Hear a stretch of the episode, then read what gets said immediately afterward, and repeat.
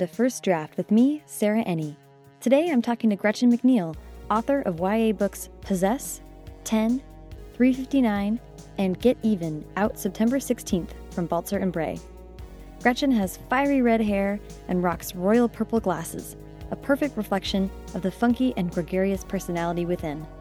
Her years of training as an opera singer are obvious in her poise, eloquence, and effortlessly projected laugh. Gretchen welcomes me to her home where we sit with cold coffee on a hot Los Angeles morning with all the windows open to soak up the lovely day. Also outside were landscapers, so excuse the little bit of background noise. And listen close for Gretchen's adorable puppy, Wolfgang.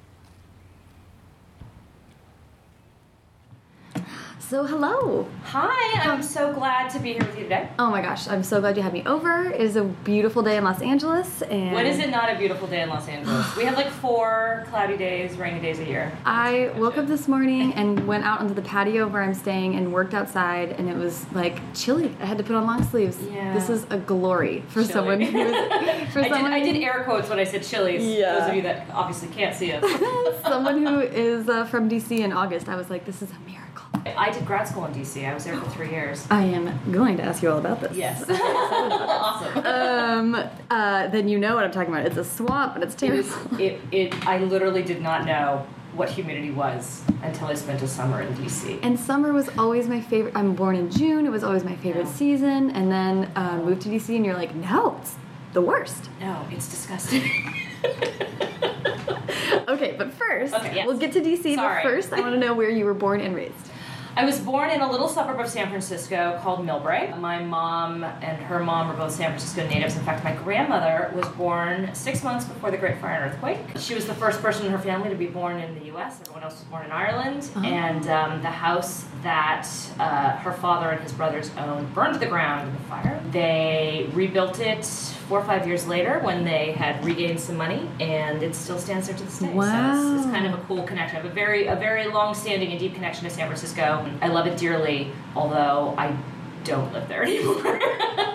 But you're so close. Was college what took you out of San Francisco? yes, I came to UCLA um, because it was the only UC school, a state school, that had a great music program, and I wanted to be a music major. So I came to LA, which was sort of like a coup uh, for a Northern California girl. I think there were all of three kids from my huge graduating class that went to LA for college. really? There's a little bias uh, between uh, Northern California and Southern California. NorCal, SoCal. Um, but I came here and I went to UCLA and I, I did love college. I did not love LA at the time. It was it was a I think it's a difficult time when you're in your late teens, early twenties with body image issues and I'm definitely not a thin girl and LA can be difficult. You know when you're still sort of figuring out who you are and who you want to be. Um, everyone seemed so together in LA, and I was like, "Rah!" but when I came back the second time around, I really appreciated this town more, and I've, I've really grown to love it. Uh, the variety, the option, the amazing creative people that are here. Um, it's difficult to, to see myself living somewhere else at this point. Music major. Yes. What was your instrument? Uh, I was a voice major. I Okay. used to be an opera singer. That was my first career. Amazing. I've had several. I think I'm on my third. At least my third. At least. Is that all? That's, that's Get fine. busy. Yeah, that's fine. um, that's that's incredible. When did you get into singing at that level? Well, I started off as a tap dancer as a kid. Uh, my mother, who's a single mother, enrolled me in soccer and tap dance when I was five to burn off the energy. and uh, I danced for a long time. I was sort of in a performing troupe when I was a kid. We started taking voice lessons, and in junior high, I was like, I don't want to do this performing troupe thing anymore. It was getting a little weird. But I asked my mom if I could continue to take the voice lessons because I was enjoying them, and she said, Fine, but you need to help pay for them with your babysitting money, which I did.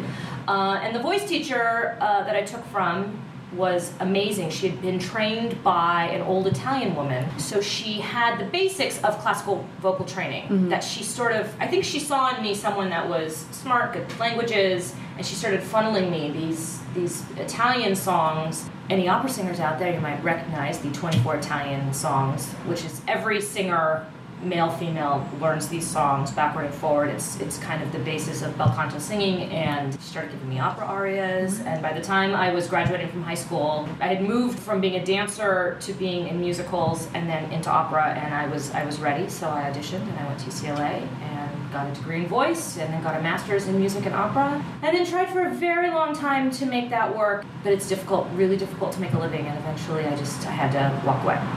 What were this is a little off track, but That's what okay. what were other opportunities you were able to pursue with voice, having that background for professional voice? After I stopped singing professionally, Mm-hmm. um, I was working in television production of all things.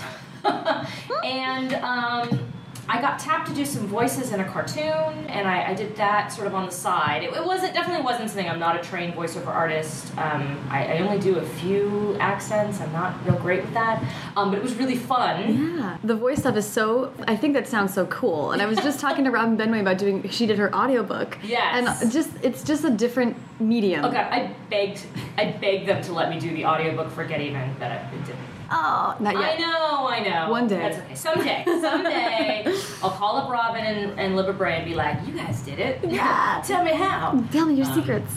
Someday. And then I I sing with a circus troupe, although I haven't in a while, in Los Angeles called Cirque Berzerk, which is sort of like a Burning Man, Cirque du Soleil, and they needed an opera singer for the band, um, and that has been. It's the only performing I do anymore, and, and again, we haven't done a show in, in a few years. But um, you want to talk about an amazing experience? Uh, it, it takes all the pressure off from opera because it's a very demanding career, a very exacting career. Keeps all the fun of performing, um, and it, it was it was just it, it was life changing. So. That's amazing. So, what made you go? What what determined where to next? There's two choices. Uh, there was go home, go back to California, Right. or go to New York. I think in the end, if I'd really felt that I had a real chance to make it as a professional opera singer, I would have gone to New York. I'd been going up there to do auditions for, for about two years at that point. I was engaged at that time to my first husband, and he was working in television. And oh, that's my dog. Everyone, sorry about that. I needed to come back, and I did. And I, I sang in the Bay Area for about a year. I did a lot of gigs, and then uh, the dot com crash happened in July of 2001, and then 9/11 happened in September. And uh, opera, we had a, you know a recession at that point, and small opera companies exist on corporate and private donations, which completely washed out. All these companies were either going on permanent hiatus or closing entirely. I just decided. You know, at that time it was time to move back to LA. My then fiance was had gotten his first TV writing job, and you know it was time to come back down. And there was not a lot of work down here. And I sort of fought it for a while, and then around 2004, I was just like, I can't. This is this has become like a hobby, and I, I put too much work and time and training in for it to be considered a hobby, mm-hmm. and that's when I made the decision to quit.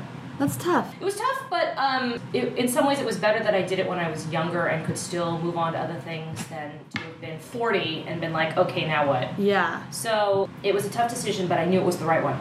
Well, that's good. Because speaking of, we should finally get to when did you start writing? I started writing during my divorce, actually. Ah. Um, uh, I had I had stopped singing, as I said. I'd been working in television production, which was my first husband's career. Uh, so when we split up, it was sort of like I lost a career and a relationship and everything sort of at once, and I was very lost. Uh, and I woke up one day and I was like, I'm gonna write a novel, as you do when you're going through a crisis. And uh, I did, and it was horrible, unreadably horrible. But I'm I'm pig-headed, so I was like, okay, I finished this book. Now what do you do? And you just you get on Google, you're like, what to do with finished book manuscript? Yeah. Uh, and it was like, then you query it. I'm like, oh, what's that? So I started. I researched agents, and it was a it was an adult chick lit novel, sort of at a time when chick lit was not selling anymore. And it wasn't good anyway. I'm not. That was not the reason it, I did not get an agent. I queried 134 agents, 134 rejections and or no responses. Oh, wow. Oh my gosh. But there were a couple of agents who read it and liked it, who ultimately did not offer representation, but who said to me, you know, this sounds like young adult. And I'm like, what the hell is young adult? Like, I don't know. Because when I was a young adult, there was Christopher Pike, mm-hmm.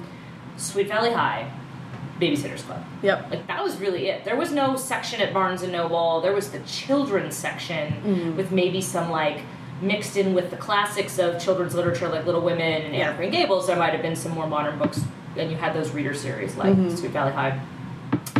So I went uh, to Barnes & Noble and I'm like, there's a whole section with a bestseller wall and there's categories. And I, I grabbed uh, I grabbed two books and I read them. Which ones? Uh, I read uh, Tithe by Holly Black Ooh. and uh, Wicked Lovely by Melissa Marr. Ooh, cool introduction. Um, yes, I know, right? And I was like, I, get it. Like my voice. I think working in, in comedy and television for a while, there's sort of there's when, when you work in, in comedy and television, most comedy is geared towards male between the ages of 18 and 30. And I, I get that humor. I internalize that humor, and it, it was part of my writing voice. So I sat down and I was like, okay, YA novel. I'd been toying with this idea of a book that was set in Ireland.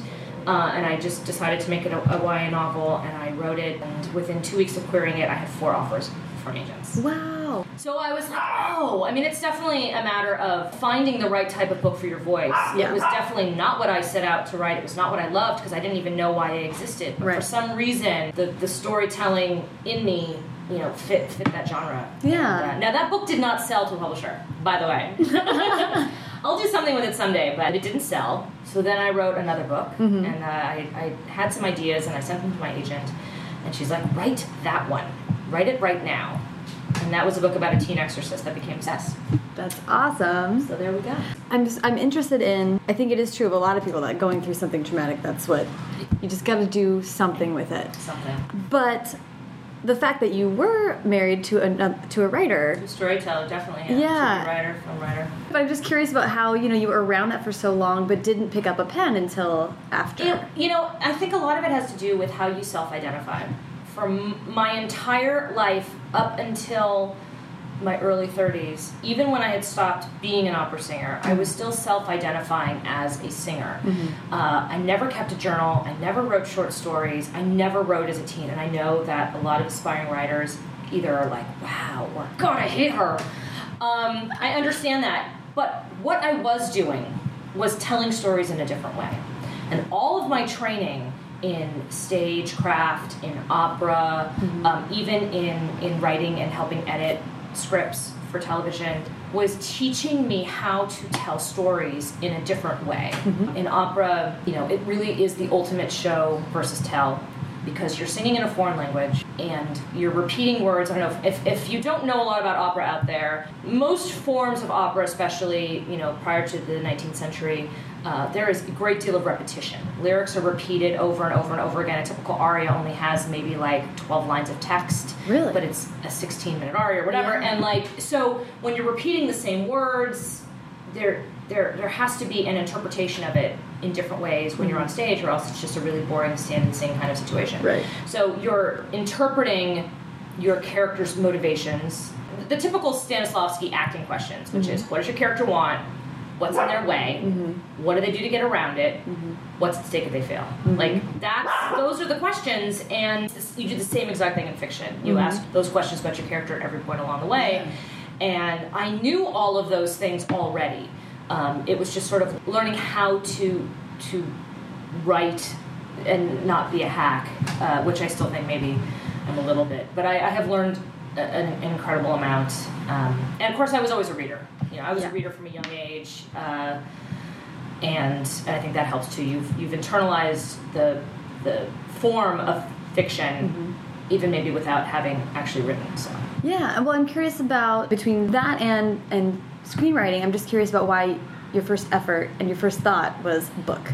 Because screenwriting is terrifying. And here's why. There's a lot less words involved. Ah, But it is entirely dialogue. yeah, And I think I think I'm just a I think I'm just more verbose than that. I think I think I like to to, to describe people and places and things more.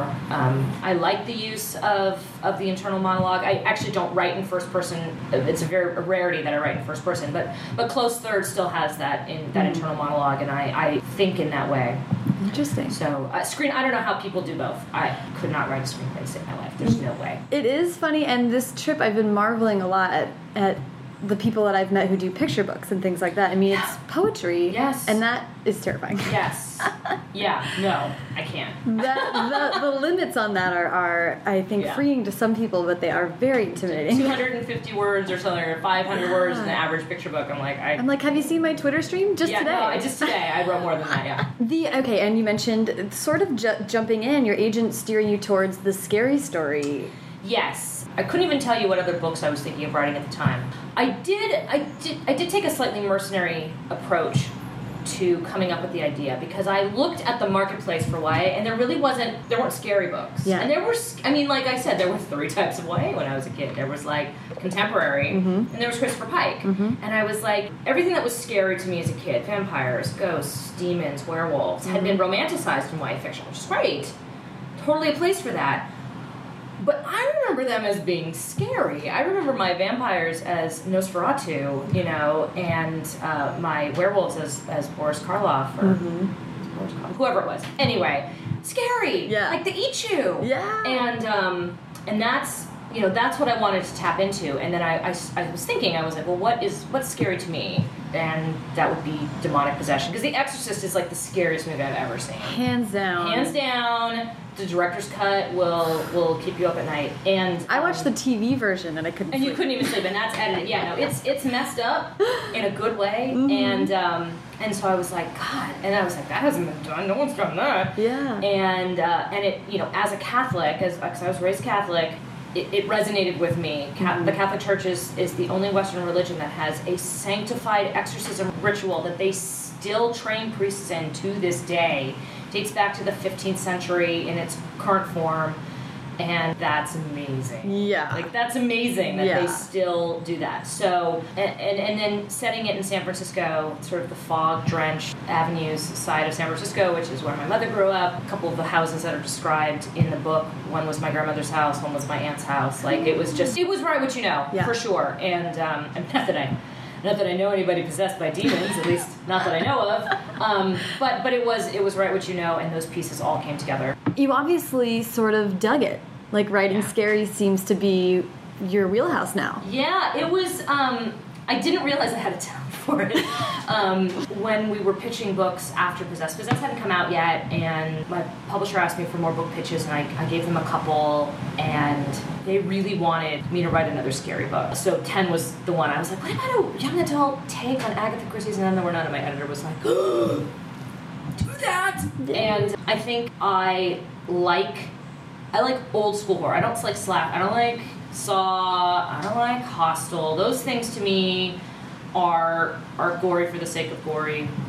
I find them slightly disturbing. Um, I like Hitchcock.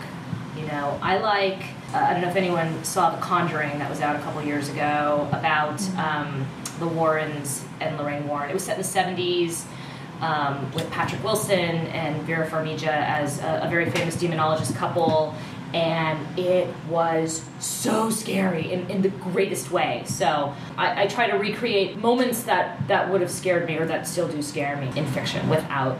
I mean, there's okay, there's some blood splatter, but not a lot. I mean, there's a little bit. But it is it is heavy on on like psychological horror. Yeah. Is maybe it's all about the buildup. There's a very famous exercise where you take like a really scary scene from a movie and you put different soundtracks under it, and they're less scary with certain types of music than with others. oh yeah. Um, because it's all about the build up, getting the moment just right. It's it's almost like a challenge for me. I really enjoy you know so that when your character opens that door you don't want them to open that it has the maximum impact. Which is a lot of setting and atmosphere. Yeah. How have you you set the first one in San Francisco? It does. I mean, that is such a vibrant setting. Yeah. Where did you go from there, knowing that you wanted to tell these scary stories? How did you decide on the settings for other projects? 10 was easy because I needed an island. It had to be on an island, um, not just because Agatha Christie's original is set on an island, but because it has to be somewhere where they can't get out. right. Um, and I needed it to be during a storm because you've got to take away modern technology. So it's got to be someplace where there's no cell, no internet, no phones. Like it's all got to go away. You've Yeah. got to strip all, all the safety nets of the modern world had to be stripped away, which is scary enough in itself. Like I don't, I don't like going to like remote places. I find them super creepy. Uh, I'd much rather be in the city where someone can hear me if I scream Yeah. um, theoretically. So that it kind of left two areas. It left uh, the Pacific Northwest and it left uh, like the coast of Maine, uh, which I've never been to. so I There you was like, okay. So Seattle it is, and um, you know, you, you you spend some time on Google Maps, and you wanted to find an area that was like a suburb that the kids would be from, that they would have access to things like a boat to get them to the island. Yeah. The island itself is a character Mm-hmm. in the book. It is as important as the killer, as the main character, as the other kids on the island. Um, it it exists as a as a thing, as a living, breathing thing, and you treat it that way. Mm-hmm. Yeah. You treat it with a personality and uh, its own quirks, and almost as if like it's taunting them. I think that's I think that's actually there's a the, the haunting of Hill House, which is about a, basically about a house that's waiting for Yeah. someone to come back. You know, and the house does actually become the ghosts in the house become the it house propels the story. exactly and, and and I think that I think that there's you know haunted house stories for even ones where the actual house isn't sort of an entity. Mm-hmm. The idea of the haunted house the house is the character and the island is the character. Yeah. In in ten, and I think that's an ominous character, and I think that helps. That helps make the book scary. Yeah, and I I wonder this because um, in my own writing, when I'm having a rough day and I'm having a hard time getting into the book or just really not feeling it, thinking about getting back to a place is very very motivating to me. Do you feel like having such rich setting maybe helped you stay in that universe? It definitely helps you when you're lost and characters, especially. I mean, I work with very large cast of characters. The new one is like, there's. I was like, what am I doing? um, it can you can get lost with all those people and all those personalities, and especially if you have multiple POVs, like keeping in, in different people's heads can be tough. But the setting is always a touchstone, Yeah. you know. So it's always they, they have their own flavors. Like you know, my flavor of San Francisco and Possess is, I mean, a lot of people go to San Francisco and they're like, I never even saw any fog. It was sunny all the time. I'm like, you were not in the avenues. Trust me. Yeah. It is foggy 300 days out of the year. It, it burns off at noon and rolls back in at three. I mean, it's. um, and, but if you haven't spent time there, you don't know. Right. And so I wanted that feeling where the, the fog, like, it's heavy. Yeah. Like it, it, it it's heavy to breathe. It seeps into your clothes. Everything is damp all the time. Yeah, like yeah. you know, and that that becomes important. And when you maybe lose track of other things, the setting can can help ground you because there's a there's a tone that you're trying to create, and and that can help you for sure. Yeah. Um, and uh, do you mind giving us the, the pitch for the new project? Get Even is the first of a currently a two book series called the Don't Get Mad series, and the sequel comes out in June of 2015. So they're nine months apart. I pitched it as the Breakfast Club with a body count. So it's about four girls that are totally different. They're not friends. They're from completely different social circles. You have the student body leader and you know star athlete. You've got uh, the popular girl who's the star of the drama program. You've got the sort of punk outsider girl, and then you've got the really smart girl who's kind of a social pariah, doesn't really have any friends. But they have secretly formed the Don't Get Mad Society that gets revenge on bullies and mean girls and teachers that have victimized their classmates. The four girls have sort of all come to this organization for different reasons. Uh, some are trying to maybe assuage some guilt, some are trying to come to terms with bullying in their own lives. And it all goes well until one of their targets turns up dead. Don't Get Mad is implicated in the murder, and the girls don't know if it's one of the four of them who's a killer or if someone else knows their secrets. I had a lot of fun writing it, so I think, I hope it translates to the read. I hope when you read it, you, you, you feel that it's fun. Yeah. It's a little ludicrous, but, but in, a, in a fun way. Yeah, oh my In a, gosh. in a Heathers kind of way. And I'm curious about the fact that the sequel is coming out so quickly. How did how did the um, the concept get pitched, and did you already have the this written? How did that kind of come come to Um, fruition? When I pitched the books and they were like, I would think this would be great as a duology. I'm like, great, I've never written a series before, that'll be fun. So I wrote the first book and it was a really long revision process. I think they weren't expecting it to be as funny. It, it ended up being like a comedy with dead bodies, and I think we, my editor and I, really had to work hard to balance the humor, which we didn't want to lose, mm-hmm. but up the suspense to make it scary. Yeah. You know, because the two things have to sort of go in concert and And when they do, like Scream, it's it, great. it works, yes. I, I'm definitely not comparing this book to Scream, but I, I I'll take that on but um, it was a lot of work, and uh, I was revising that book up until the beginning of November of last year. I got married six days later after that book went to copy edits. That Oh was my. crazy. Went on my honeymoon, came back. It was like Thanksgiving, and then Christmas, and then New Year's, and then mid January. My publisher said, "We were thinking."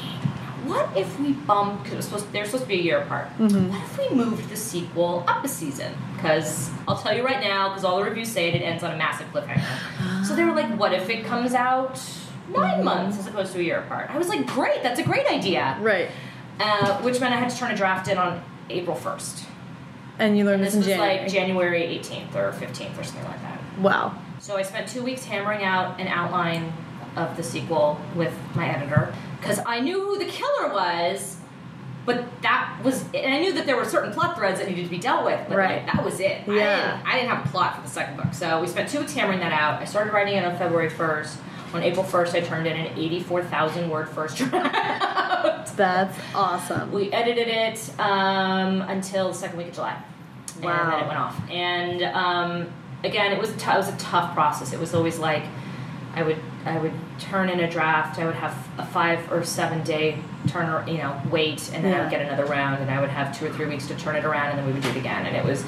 It was a slog. It was a labor of love, but I think I think it'll I think it'll be good for the fans that really want to know yeah. what happens and who the killer is. Yeah, I think that. I mean, it's funny because YA writers are given such extreme deadlines, but at the same time, as a reader, you want I'm the like, book. I, want know. all the books. I know, and I, you So I know, see both sides. I wrote ten really fast too. It was one of those things where they bought it in May and they wanted it for fall the following year, which means I had to I turned the first draft in in ten weeks. Ten, I wrote ten in ten weeks. Uh, Uh, so they knew that I could do it. I mean, that was another thing. It wasn't like I had not been tested. They knew Right. that I was capable because not everybody is. And by the way, not everybody should try that. Just because I wrote a book in 60 days, uh, A doesn't mean it's good, and uh, uh, B doesn't mean everybody should do it. I mean, everyone's process is different.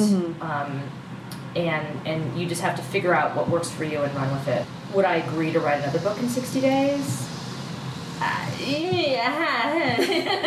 so yeah, so it was it was it was tough. okay, well, a couple questions from that. Yes. Um, what was it? What was it like to, like you mentioned, this was your first series. What was it like to start a new draft and feel like you had some things out of the way? Or It was it, I I knew who the people were, yeah, which was nice. Yeah. The challenge though is not retreading the ground that you covered in the first book, uh, whether that's in character development right. or in actual plot. And that was a challenge. Uh, I had never had to do that before. All of my characters finish their story arc and do whatever they're going to do, and Right. I don't have to worry about it after that. So Yeah. this time it was like, okay. Again, I, I don't recommend not having a plot of a sequel in place before you write the first book. I mean, I knew some. I, I, I had like I had like a half page pitch on the book when we when we sold it, but that was it. And um, thankfully, the first book wasn't locked yet. So as I was writing the second book, I could be like, "Oh, I gotta add this. Gotta get the first past pages because um, because there were things that I needed to clarify or tweak slightly." That's and that's a nice, the nice part of a nice truncated part of it schedule. being nine months apart. If if it had been a twelve, I, I would have I would have had some problems. Speaking of fast drafting, yes. which you somehow do, how do you do that? Is drafting the fun part for Oh, you? No, I hate it. I hate it a lot. I am much more of a reviser. Mm-hmm. I want to uh, be given a challenge and then have to figure out a way to solve it. Yeah. Uh, that's my personality. drafts so first drafts is like is like nails on a chalkboard for me. They're, they're very painful. Uh, I work out of target word count and I break it down by day. And Mm-hmm. I'm like, I gotta write. I think for um, for Get Dirty, it was 1,500 words a day every day for 60 days. Which at first is like, yeah, I can do this, and then by like day 30, you're like, I hate my life. Yeah. I hate this book. I mean, you did NaNo basically for two months. for two Yeah, months. That's yeah. a lot. It was a lot, and uh, and I, I only did NaNo. I did NaNo once. I wrote the bulk of Possessed during um, NaNo in 2009, and would, I said I would never do it again because I was so burned out afterwards. Yeah. Um, it took me. I had to wait a whole month before I even went back and finished it and revised it. I just couldn't. I couldn't deal. yeah. So um, I outline the first act pretty tightly. Uh, I know I got to figure out. Let's set up the plot. Who, who are we dealing with? Yeah. Where do they got to go? Take them to the point where they start whatever the rest of the journey the book. Yeah. And then I know where I'm going. And then as I'm writing the first act, I'm getting ideas for what's going to happen later. So I start filling in a little bit more of that outline for Act 2 Um, and, and Act Three is usually by that by the time I get to Act Three, I know exactly what's going to happen. Act Two is always the middle of the book is always like I don't know, add ninjas. uh, but but it, it, it as you're writing, as I'm writing the first act, I start to my brain is, is working out the pieces of what needs to come afterwards. So, um, 1,500 words a day. I, ideally, my, my word count would be something like a thousand words a day, five days a week. If in an ideal world, Yeah. and I was just writing for fun, that's that's what I would do. It'd be nice. I mean, I know people people write 3,000 words a day, 4,000 words a day. I do it if I have to. When I was I was I got really behind on Get Dirty, and I went on a writing retreat with a writer friend of mine, and uh, I turned out 9,000 words in two and a half days wow. Because I had to. Yeah. And uh, I did not enjoy that, but uh, it got me back on track. The the one benefit, and I've done um, NaNoWriMo one one time this last year, and it was, and I didn't, I I just opened it uh, two weeks ago. yeah, see, you just you just don't want you don't. It's like if you've got like PTSD on a manuscript, like you don't want to see it. Int- yeah, that's the mostly syndrome. is I'm like, every once in a while I'll think of something I'm like, I wrote that in. Yeah. Uh, I don't want to go back and read that. There's no way I did it right. But the the benefit to fast drafting, I think, is I like also have a loose outline. But then when you're going that fast and you're just like, what the heck am I gonna write today? And I didn't add ninjas, but it got close. You know what? It was like, let's try something crazy. force creativity and and most importantly for a lot of writers you don't have time to go back and edit because a lot of people have this problem where there's an endless loop of revising especially the first act Yeah. because it's comfortable it's easier to go back and i'm just going to go back and revise it again because Mm-hmm. it's easier than pushing on through the part of the book that's difficult to write Really hard to write. and um, that's why when, whenever someone's like, "What advice can you give young writers?" I'm like, "Finish the book. Like, it's no more complicated than that. You have to finish it, then go back. Because let me tell you, I guarantee you, when you get to the end of the book, whatever happened in the first act, you're going to have to change anyway. Yeah. And if you spend all of your time just revising it endlessly, Yeah. you are not doing yourself any favors. Yeah, that's so That's my true. personal take. Not everybody feels that way, but But- I, I feel like nanoing a book, fast drafting a book, you don't have time to, to revise. So Yeah. you just got to plow. Yeah, and I yeah, I love that too because half the time I go back and I realize that I added I wrote three chapters that don't even need to be there. Yeah, and you know what? You may cut them, and you may, at the moment, feel like it was wasted work. But what you did in those three chapters, at the very least, was figure out where the story should not go, which Right. is sometimes just as important as figuring out where the story should go. And it also gave you some some exploration room with your characters that Mm. may make their way into other parts of the book later. Yeah. So YA horror is like happening. It's a thing. Is it? They keep telling me it's a thing, and I'm like, is it? Okay. It's starting to happen. I have um, my friend Amy Lukavics is writing a. Yeah. She is doing. She is going. Yeah, and she's with TS. She's with person, TS, right? yes. Who who is someone that I'm, I'm friends with and uh, is a big YA horror fan. So, Yeah. yeah. And he, yeah, he um, and Amy, I think, just immediately like synced mentally Yeah. on what she was trying, trying to do because her It's stuff fun. Is gory. It's still psychologically terrifying, but it's also she's really does Right. throw it out there, um, which is kind of a different kind of horror, but it's it's expanding the genre. Yeah. So. I was going to ask you what you think about YA horror. It's sort of a new thing, but Uh, you know, I'm all for it. I think um, I think the, the good and the bad of YA in general is that everyone's looking for the next thing. It was paranormal romance for a long time. It was urban fantasy. It was dystopian and post-apocalyptic. Definitely in a contemporary boom right now. Uh, horror has always been talked about as will it be the next thing? Yeah. I'm no problem admitting that I probably got a book deal for Possess in part because they were wondering if horror would be the next thing in 2010, 2011 when the, when the book sold. And I don't know if it's ever, I mean, there hasn't been a breakout book in the way that Twilight or Hunger Games was a breakout book, but I feel like I see very steady sales with 10. Like 10 has been out since 2012. That book continues to sell. It's done very well in paperback. Um, thank you, by the way, anyone anyone who's read it. I really appreciate it because it was definitely the little book that could. Like Yeah. it was. Uh, my first book was a disappointment in terms of sales. Um, not to me, not to me, by the way. Um, but but those are the labels that you get, you know, as a as an author, and um, which is fine. This is a business, and and the faster we all learn to treat it like a business, the better. So the fact that ten, you know, that got skipped by Barnes and Noble. I didn't realize that. Which is odd because it does have this, it's like a groundswell. It just has continued Yeah. to be present, and I see it still took the paperback, often. but they did not take the hardcover, and uh, and I really felt like my career was done at that point, and I fought really hard. I had this this big grassroots marketing campaign, the support of fans and bloggers was I I. I, I don't know. I can, I can never repay the debt of what they did for me and for my book to help it gain a foothold um, when everything was against me in that book. Mm-hmm. So, 10 like fought its way out of the hole and just keeps slugging away. Uh, bless it. And, and I think that its success means that my publisher might look at other authors writing horror and be like, yeah, no, we can do this. Let's give it a shot, So, yeah. um, and I, again, it, it, it has nothing to do with me. I was not the only person doing horror. It was just that book at the right time struck a nerve with people, and um, and I got really lucky. So um, I would love for horror to be the next thing. I would love to see more of it. I love being scared as a teen, and I love the fact that Ten was neutral marketed. I love the fact that it's got a cover that's that's not uh, not a girl because boys, you know, and especially the, the book has been very popular with middle grade boys, you know, boys sixth, seventh, eighth grade, Yeah. who are not afraid to pick up that book because there's no girl in a prom dress on the cover. Mm-hmm. That has been wonderful to see boy fans in YA world is like, I mean, that's the holy grail for me. Um, that that boys and girls read the book and, and enjoy it.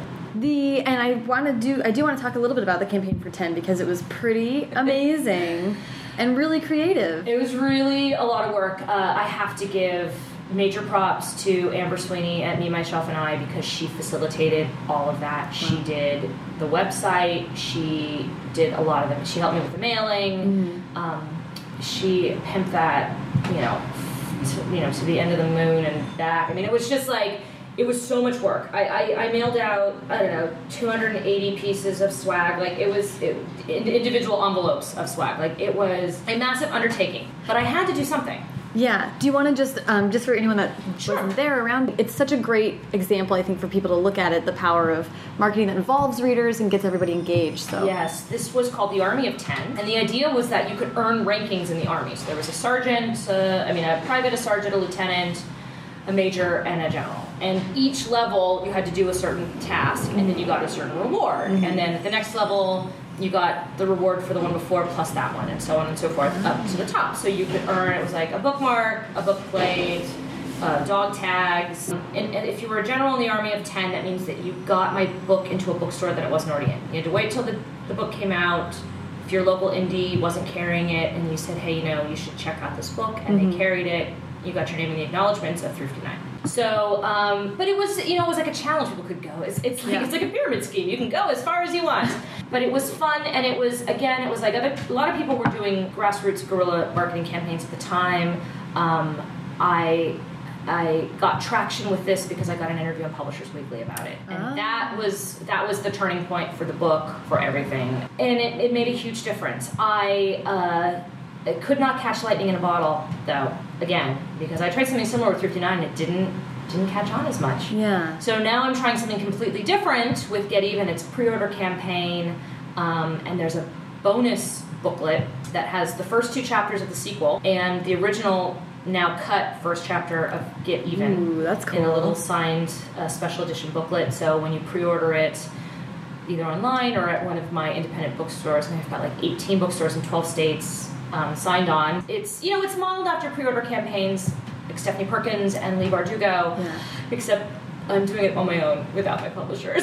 Again, it's like wow, I got to mail a lot of stuff, um, but that's okay because it's it's the first book in a series, and I really wanted to do well. So I'm I'm I was like, how how can I get the word out? Yeah. And um, the indie bookstores that I'm partnering with have been amazing. They've been so supportive um, of me doing this on my own. So again, it's you know, as an author, you do a lot of work that's not writing. I was going to say. A lot of work that's not writing. I, I I really really like appreciate you talking about it because it's it is something I think a lot of people are really intimidated by the idea that they would have to market pretty much at all besides tweeting occasionally and things like that. So how do you how do you make sure that you are striking the right balance between working writing and working marketing? Yeah, um, I think the best way I can illustrate that is how little marketing I did for 359 because I was in edits for Get Dirty for the next book from July until November. And 359 came out in September, right in the middle of that. And, and I was planning a wedding. Ah, So um, I, I did very little marketing for it, unfortunately, and um, I just couldn't. Like, I, there was just it was like a bridge too far, and um, you know, in, in some ways, I do think the book suffered because I, I wasn't putting my, my mug out there all the time. right. I will say this promo is, is hard to gauge its success, it's hard to quantify in sales.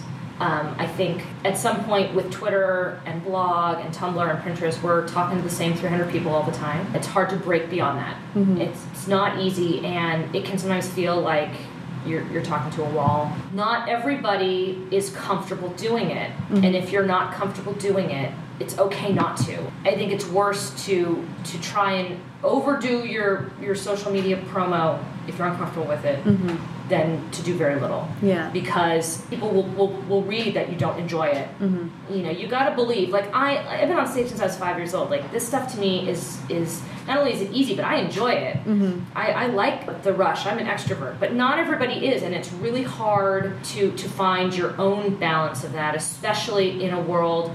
Remember, it's not just the the YA authors and the children's authors and the adult authors that that write traditionally published and small press books. You've got indie authors, self-published authors, Yeah. the, the, the the new indie presses, and they're because they have to do all the promo because they don't have distribution and they don't have a marketing and publicity department.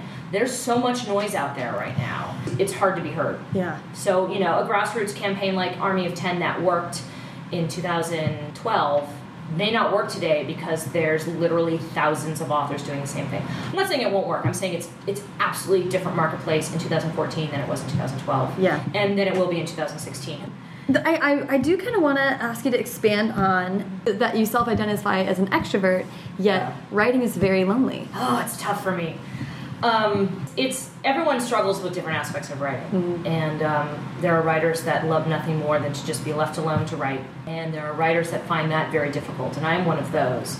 I realized when I was writing ten, and I had to write it in ten weeks, and I was I was working full time. I, I work part time now at my day job, but I worked full time then, so that was like I had no life. Like I wasn't dating yet. I was still going through my divorce, and like. But what happened was, is I would work all day. I would come home, walk the dog, eat dinner, and write. And after two weeks of that, I noticed that like I was not being productive. And what I realized about myself is that I need to go out with friends. I need to do a couple happy hours. I need to have some social interaction. I need to mm-hmm. do something other than isolate and write. Mm-hmm. And as soon as I did that, I would take like a couple nights off a week and go mm-hmm. out with friends. My productivity went through the roof.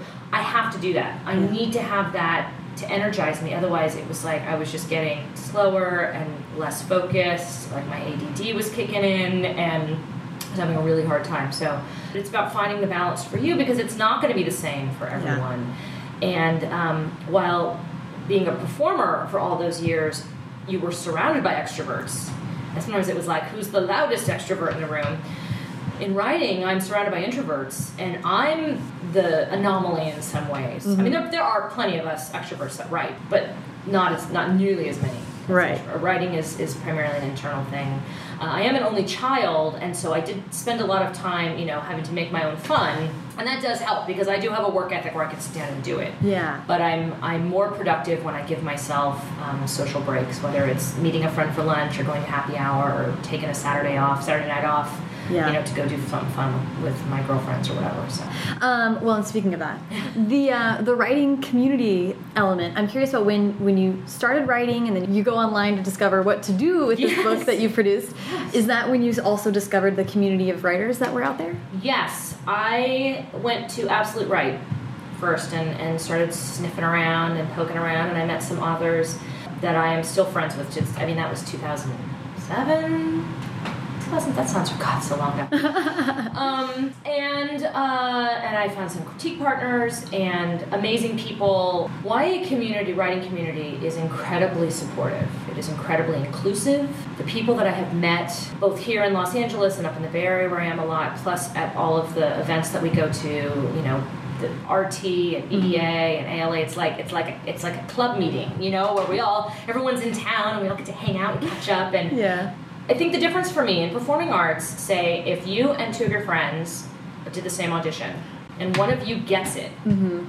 that means the other two of you didn't. Yeah. And while you can be happy for your friend that got it, it, it directly impacts you in a negative way. In writing, if one of your friend gets a book deal, it doesn't mean that you won't get a book deal. In fact, if someone gets a book deal whose book is similar to yours or in a similar genre and, and it does well, it actually benefits you. So you can be supportive of the community. I mean, look, jealousy is one thing, and we all get jealous. I look at someone else's marketing campaign, I'm like, I want to go on tour. but um, but there's it, there's no envy, and and you can keep from becoming bitter about it because s- someone's success doesn't directly negatively impact you.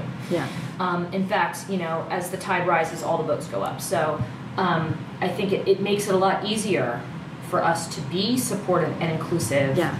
The road to publication is a tough one. Once you're published, it is it is still a, a an emo coaster, as my friend Cindy Pon likes to call it. Um, ups and downs. Um, you're on top one day and at the bottom the next, and it's it's never going to change. And at that point, you can't talk about it so much. at least online. yeah, well, there are certain things you can't talk about or shouldn't talk about, but I think there are more things that we should talk about than not. And I, uh, I do tend to err on the side of, of sharing, because you know, making it look glossy and pretty all the time, like it's just so easy. You know, like Yeah. everyone gets a book deal, and it's great when you get a book deal, and your Mhm. publisher's going to do the best for you that they can. That's not always true. Right. And sometimes marketing gets pulled, and sometimes early reviews or, or another book that was similar that didn't do well totally out of your control, or your publisher's in a fight with Barnes and Noble or whatever. Like these things can negatively impact your career, and you have absolutely no control over it. Yeah. There's a benefit of, of being thankful and appreciative in this business, and that I, I always am. But that's different than pretending that everything is rosy all the time because Yeah. it's not. Yeah. Um, and it's tough business.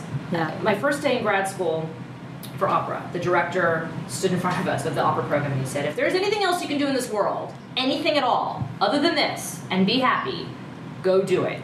Because this is brutal. And if you're not prepared, it will break you. And it's the same with publishing. Yeah. It is brutal out there, Yeah. uh, and and it's always going to be. It's art. It's subjective, um, and uh, and it can be it can it can tear you up unless you get a little healthy distance from it. You can't sit around and complain endlessly about publishing in a public forum for a variety of reasons. Um, but the biggest is that it is a little bit like complaining about being prom queen. And uh, it's just not something that a lot of people want to hear and, and, and shouldn't be subjected to it. But I can sit with my writer friends and be like, oh my God, can you believe blah, blah, blah, blah, blah. And they get it. Yeah. And, and it's not judgmental. Yeah. And then they can share a story that you didn't know Yeah. about them and you're like yeah i'm not alone here and it's not that we're trying to hide those things necessarily from the public as much as it is you know you can't you can't complain endlessly in a public forum because nobody wants to hear it Nobody wants to nobody hear wants to hear it That's so true. nobody wants to hear angelina jolie complain about her life okay and i'm sure she has plenty to complain about Yeah. but i don't want to hear it. Hashtag. Angie problem. yeah exactly Okay, so I want to talk about LA and, and living here. yes Um, because you do by choice. yes i do i know What is it about LA that makes it a place that you think is good for you creatively? there's an energy about this town that is unlike any place else.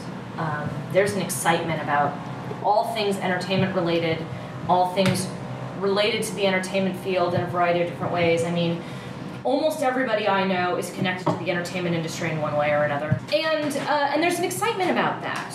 Uh, it's fun when someone's like, "Hey, that episode that I had a walk-on roll-on." Uh, you know, you were talking about Silicon Valley earlier. A friend of my husband's from college was in he was in episodes one and four or something like that of Silicon Awesome. Valley. Like, that's fun. Yeah. That's exciting. Yeah. Um, I love that when you go to movie premieres, you know, on a Friday night at the ArcLight, that you know, cast and crew sometimes show up unexpectedly. Like, that's fun Yeah. it's ludicrous at the same time. Like this town is ludicrous, but most people come here from someplace else mm-hmm. and choose to be here. And look, there's a lot of horrible, a lot of horrible people in LA. You know, Kardashians aside, um, there's a lot of horrible things and ridiculousness and money and mm-hmm. pomp and ego. There's tons of that. Mm-hmm. But there's also an amazing creative community of artists of dancers and performers and singers and aerialists. And, and all of that in some way is sort of connected to the entertainment industry. And um, and the reason that all of those people came here from wherever they came from is because of the entertainment industry. And so I got to give it props for that. You got to deal with traffic and you got to deal with smog but at the same time it's cheerful here in a Yeah. way it's cheerful here in a way. And people are very friendly. I was talking about this someone else Um, LA gets a bad rap without ever be- being a douche here, but actually, when you're out, if you, you strike up conversations at a Starbucks or at a grocery store, and nobody looks at you like you're crazy. They just talk. That people talk, and um, people are friendly, and you meet strangers all the time, and there's just something unique about it. It's been very interesting to. It's like maybe one of the only places where I've introduced myself and then, what do you do? I'm a writer, and it's like, oh yeah, Yeah. and what do you write? And then it's almost like it's unique because you're writing books and not a screenplay. Not a screenplay, yeah. I, I So- qualify that, yeah, all the yeah. So then people are are then they perk up a little bit They're even like, more because "Oh." that's unique and different. It's a town connected by where that's not strange, Yep. and then where everybody is on the same page with the importance of story. Yeah. Because I would say, being in DC, everyone's also from everywhere. Very, They're very similar towns. interesting That's why I like. DC, and and also a single industry town that has a lot of energy connected to that industry. So much, so much. I like that about DC. I dug it, But but it's not creative in this way. Yeah. saying that you're writing a book in DC was and, and a young adult book. You, I had to go You through the what?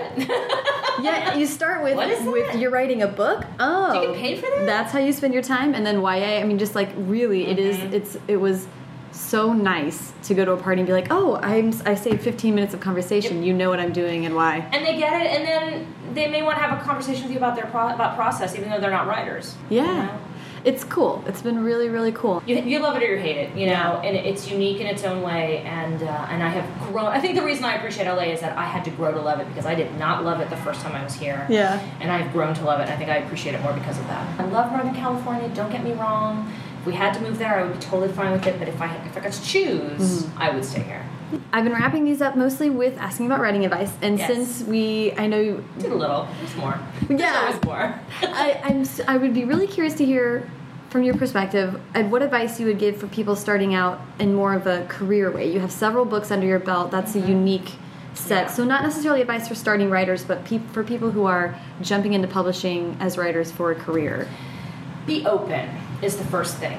Sometimes the story that you desperately want to write is not the right story to write right now. Mm-hmm. Sometimes there's no market for it.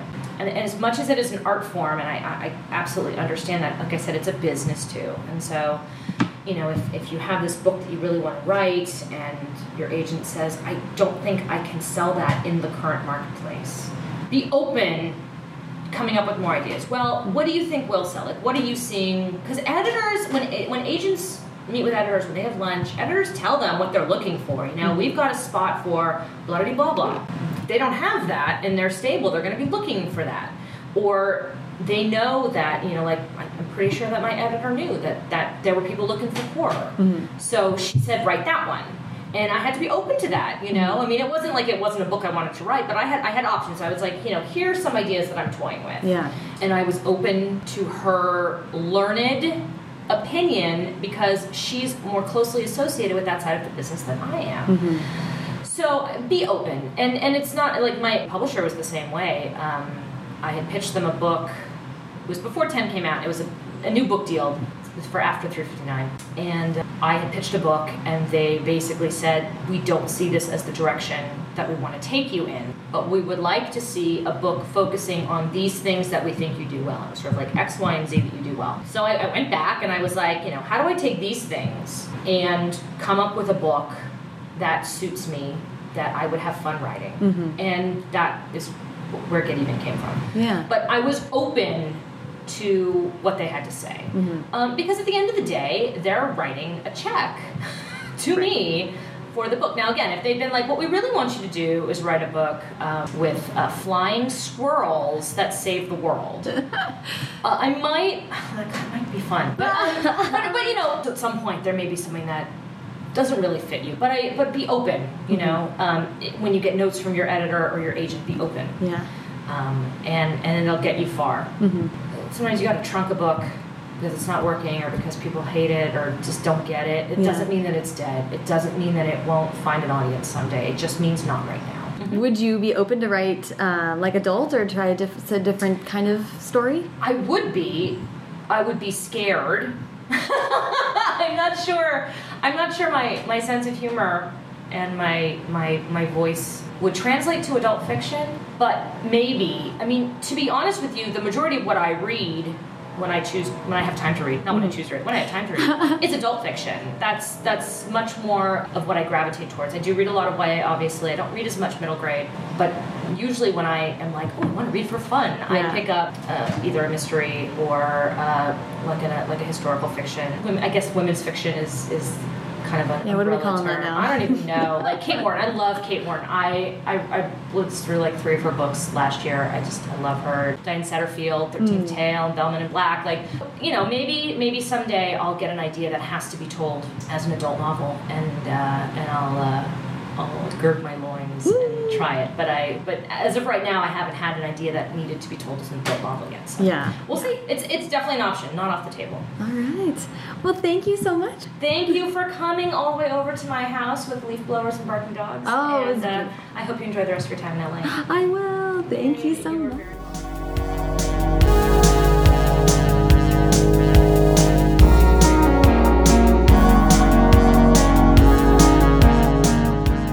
Thank you so much to Gretchen.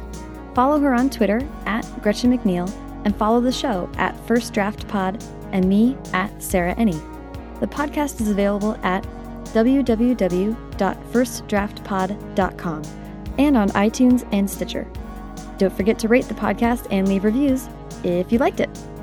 Thanks so much to Hash Brown, who created our theme song, and to Colin Keith, who designed our logo. And thank you so much for listening.